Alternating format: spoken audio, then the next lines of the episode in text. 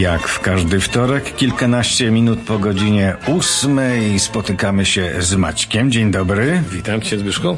Odkąd y, pracuję w siódemce, to słucham Twoich pogadanek i zawsze się zastanawiałem, dlaczego tak jest, że w pewnych miejscach w Toronto czy w Mississadze widać wiele budowanych nowych domów, a w innych miejscach jest y, spokój i cisza. No i czy to budowanie jest w ogóle opłacalne, bo dla niektórych pewnie mogłoby się wydawać, że lepiej kupić coś nowego, gotowego, niż y, kupować działkę i martwić się. Jak to wygląda wszystko? Y, rzeczywiście, zacznę od słowa location, location, location. Rzeczywiście Aha. to powoduje, że miejsca, które są atrakcyjne, w których nieruchomości są zwykle drogie, y, już po wybudowaniu, no to to miejsce zwykle ściąga zainteresowanie wszystkich deweloperów i również ludzi prywatnych, którzy chcą mieszkać w dobrych miejscach, gdzie są dobre szkoły, E, i, i po prostu jest to e, inwestycyjnie e, mądre posunięcie.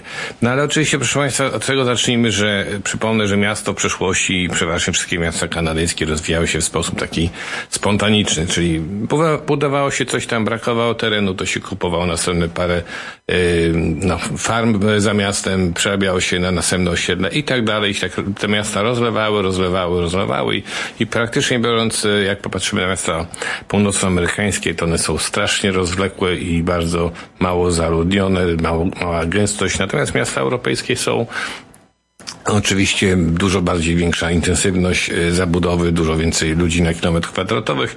No i po prostu w takie rozlewanie się miasta w pewnym sensie nie ma sensu, bo po prostu ta infrastruktura, która jest budowana dla każdego miasta jest niezwykle kosztowna i buduje, a słabo jest e, jak gdyby obsłużona, e, używana. W związku z tym od jakiegoś czasu rząd prowincjonalny w Ontario bardzo popiera właśnie intensyfikację zabudowy, pozmienia nawet przepisy takie, które pozwalają wzdłuż tej głównej głównych zacząć budować wieżowce, żeby łatwiej to było zrobić, żeby więcej ludzi tam mieszkało.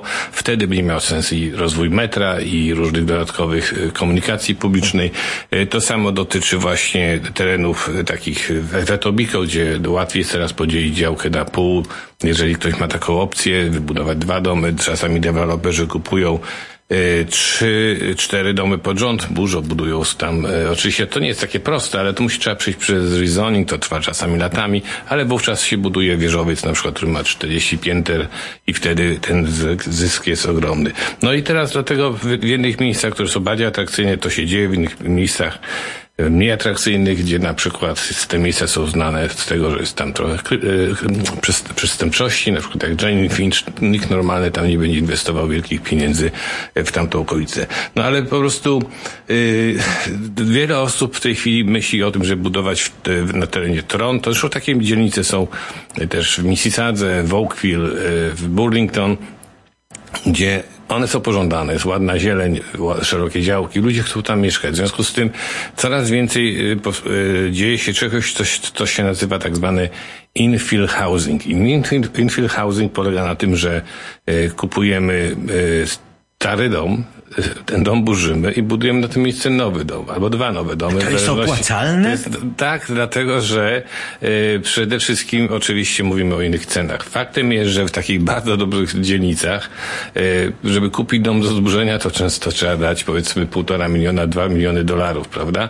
Y, ale jak ktoś mówi, kto bogatemu zabroni, zawsze są to ludzie, którzy mają, mają nadmiar pieniędzy, ale z drugiej strony również w takich dobrych dzielnicach, gdzie ceny domów potrafią sięgać wybudowanych wybudowanych 5 milionów, czasami 6 milionów, to po prostu się absolutnie będzie opłacało i jest to, jest to wręcz y, po prostu bardzo powszechny trend.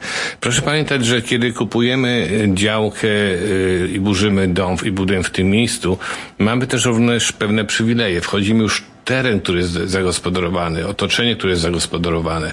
Na normalnych subdivision potrafimy mieszkać latami na budowie bez płotów, bez żadnych y, dróg, bez zieleni. To jest po prostu taki pionierski okres. Jeżeli budujemy w dobrej okolicy, to nas, y, to, to nam po prostu y, unikamy tego problemu właśnie mieszkania na budowie takiej dużej. No oczywiście też plusem tak zwany infill housing jest, housing jest to, że korzystamy z tego, że jeżeli burzymy dom budujemy w tym miejscu nowy dom, nie musimy ponosić specjalnych opłat, które się nazywają development charges. Te, te opłaty są niezwykle wysokie, są horrendalne praktycznie biorąc. Wczoraj właśnie sprawdziłem, jakie są cenniki. No i aż mnie zaskoczyło, bo jeszcze parę lat temu to było dużo, dużo taniej. Dzisiaj na przykład, żeby e, e, powiedzmy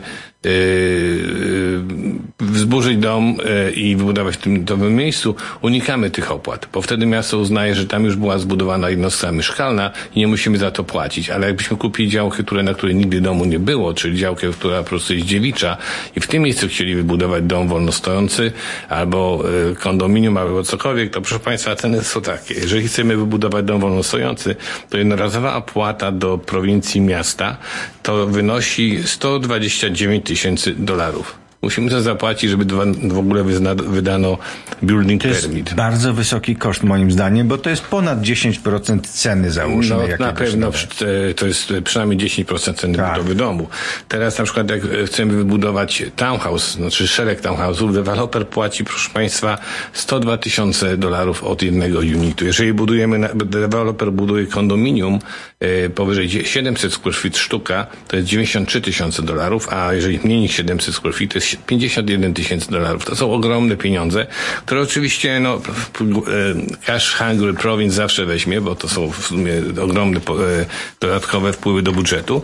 I na przykład z tego, z takich na przykład 129 tysięcy, który dom jednorodzinny kosztuje, e, Region of Peel powiela 70 tysięcy, Go Transit 1000, City of Mississauga 46 tysięcy, Peel of School Board 3,5 tysiąca i Dufferin Catholic School Board e, też 3,5 tysiąca.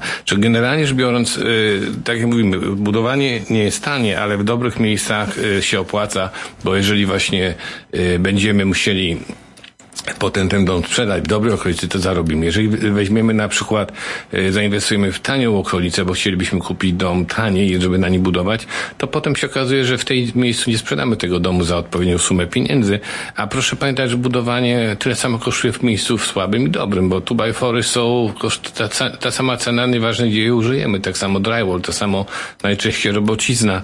E, także wybudowanie w dobrych miejscach ma ogromny sens i tutaj powiedzmy e, jest, jest z tego duża korzyść. I dlaczego ludzie budują właśnie w takich dzielnicach już ustabilizowanych? Właśnie dlatego, że mają bezpieczeństwo, jeżeli chodzi o potencjalnie cenę, jaką mogą uzyskać za dom, a poza tym są jeszcze inne benefity, tak na, jak na przykład często możemy skorzystać z już istniejących podłączeń, na przykład kanalizacja, e, prąd jest na ulicy, gaz jest na ulicy, te rzeczy. Internet. Które, internet. Internet jest w tej chwili już dostępny wszędzie. Natomiast oczywiście też jest tutaj tak zwany catch 22, bo jeżeli na przykład Państwo kupicie e, starą działkę, wyburzycie dom i mówi, ok, budujemy nowy dom, ale chcemy się podłączyć do starej sieci kanalizacyjnej, to nie przejdzie to trzeba też wymienić, zainwestować pieniądze, e, bo może się potem okazać, że się będą te rury zatykały i co z tego, że mamy ładny dom, ale musimy się ciągle walczyć z kanalizacją. A te rzeczy niestety też kosztują, idą dziesiątki tysięcy dolarów. Także budowanie nie jest tanie. Ale Maćku, tu podsumowując, mnie zaskoczyłeś w pewnym momencie, że tą działkę kupując trzeba zapłacić tyle pieniędzy, ale teraz okazuje się, że nawet jeżeli nie kupujemy działki ze starym domem, który wyburzamy, ale kupując nową działkę też to, dużą to, sumę musimy zapłacić. To, to właśnie nie, żebyśmy się dobrze rozumieli. Jak kupimy stary dom i zburzymy, unikamy tych development charges. No ale kosztuje ta działka ta sama działka. Kosztuje, tak. No ale teraz wiemy dlaczego, bo jeżeli kupujemy właśnie taką działkę niegotową, nazwijmy to, w miejscu miejscu, gdzie jeszcze nie ma w ogóle całej infrastruktury takiej. Dodatkowe ogromne koszty. Dodatkowe. No te, te 129 tysięcy to mnie trochę zaskoczyło. I myślę, że większość z Państwa. Okazuje się, że nie jest to wszystko takie proste, jakby się mogło komuś na pierwszy rzut y, oka wydawać.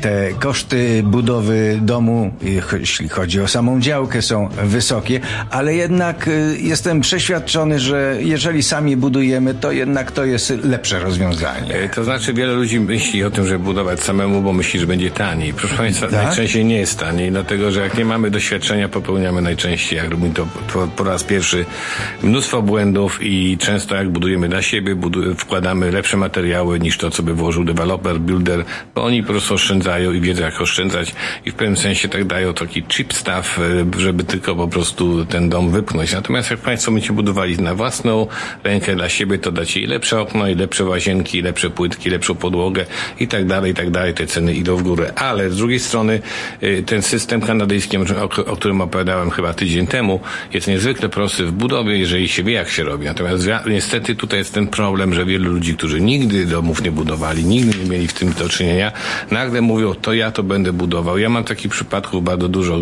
gdzie ludzie, którzy mają poważną pracę, czy są dentystami, czy są prawnikami, zabierają się budowę, nie mają pojęcia i są po prostu brani za nos i wodzeni za nos przez kontraktorów, którzy po prostu często nadużywają ich brak wiedzy i to ich kosztuje często dwukrotnie drożej niż powinno ich kosztować. W Polsce w dawnych czasach tak było, że po prostu mieliśmy pieniądze, budowaliśmy dom, nie znając się na tym. Tutaj jednak polegamy na fachowości no, ludzi. Tak, w Polsce były inne układy, tam nie było fachowców tak dużo, natomiast tych fachowców można znaleźć i można ich e, zatrudnić i proszę mi wierzyć, jest taniej zapłacić komuś 15% na przykład marży za nadzór, ale mieć to wszystko dopilnowane, bo ten człowiek, który to będzie robił, on e, znajdzie i odpowiednich fachów, subkontraktorów i wie, gdzie znaleźć lepsze ceny i wie, gdzie zaoszczędzić na płytkach i tak dalej, i tak dalej. Te oszczędności pójdą do państwa kieszeni.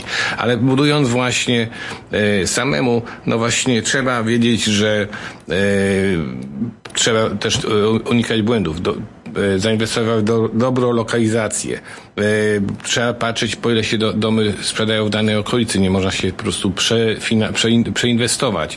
E, musi być atrakcyjny projekt zrobiony. To są wszystko ważne rzeczy. Na przykład często mam tak, że sytuacje, chcą ludzie budować dom typowy jak na subdivision, tylko mówią, to jest custom. Nie jest custom, to jest kopia z subdivision. Dom custom musi być po prostu zrobiony na zamówienie. No oczywiście współpraca ze sprawdzonymi sub, subkontraktorami jest bardzo ważna. E, umiejętność wyszukiwania okazji. Na przykład właśnie czas, czasami możemy zaoszczędzić na płytkach tej samej jakości, ale znacznie tańsze u innego suppliera, jeżeli wiemy jak to szukać. No i po prostu jest bardzo ważne, żeby mieć współpracę z doświadczonym i agentem real estate, który Wam pomoże e, podjąć decyzję, gdzie kupować, ale również z doświadczonym kontraktorem. Także mimo tych wszystkich trudności uważam, że budowanie jest fantastyczną przygodą, e, fantastycznym potencjałem i może właśnie jedyną szansą na to, żeby, tak jak powiedziałeś Zbyszku, e, wybudować dom swoich marzeń, dom, który nam pasuje, którym po prostu nie kupimy takiego domu w innym miejscu, bo takiego drugiego domu nie będzie. I właśnie to jest ten miły akcent. Proszę Państwa, proszę budować. A jak będziecie chcieli myśleć o budowaniu, proszę do mnie zadzwonić. Chętnie Wam dużo rzeczy doradzę. No właśnie, bo temat jest na pewno szeroki. Dotknąłeś tylko, tylko z wierzchu tego wszystkiego. Więcej informacji można zdobyć bezpośrednio kontaktując się z Tobą. Twój numer jest co prawda bardzo prosty, ale ja oczywiście Twojego numeru jeszcze nie znam. No to przypomnę 905 278 0007. Dziękuję bardzo za uwagę i do usłyszenia za tydzień.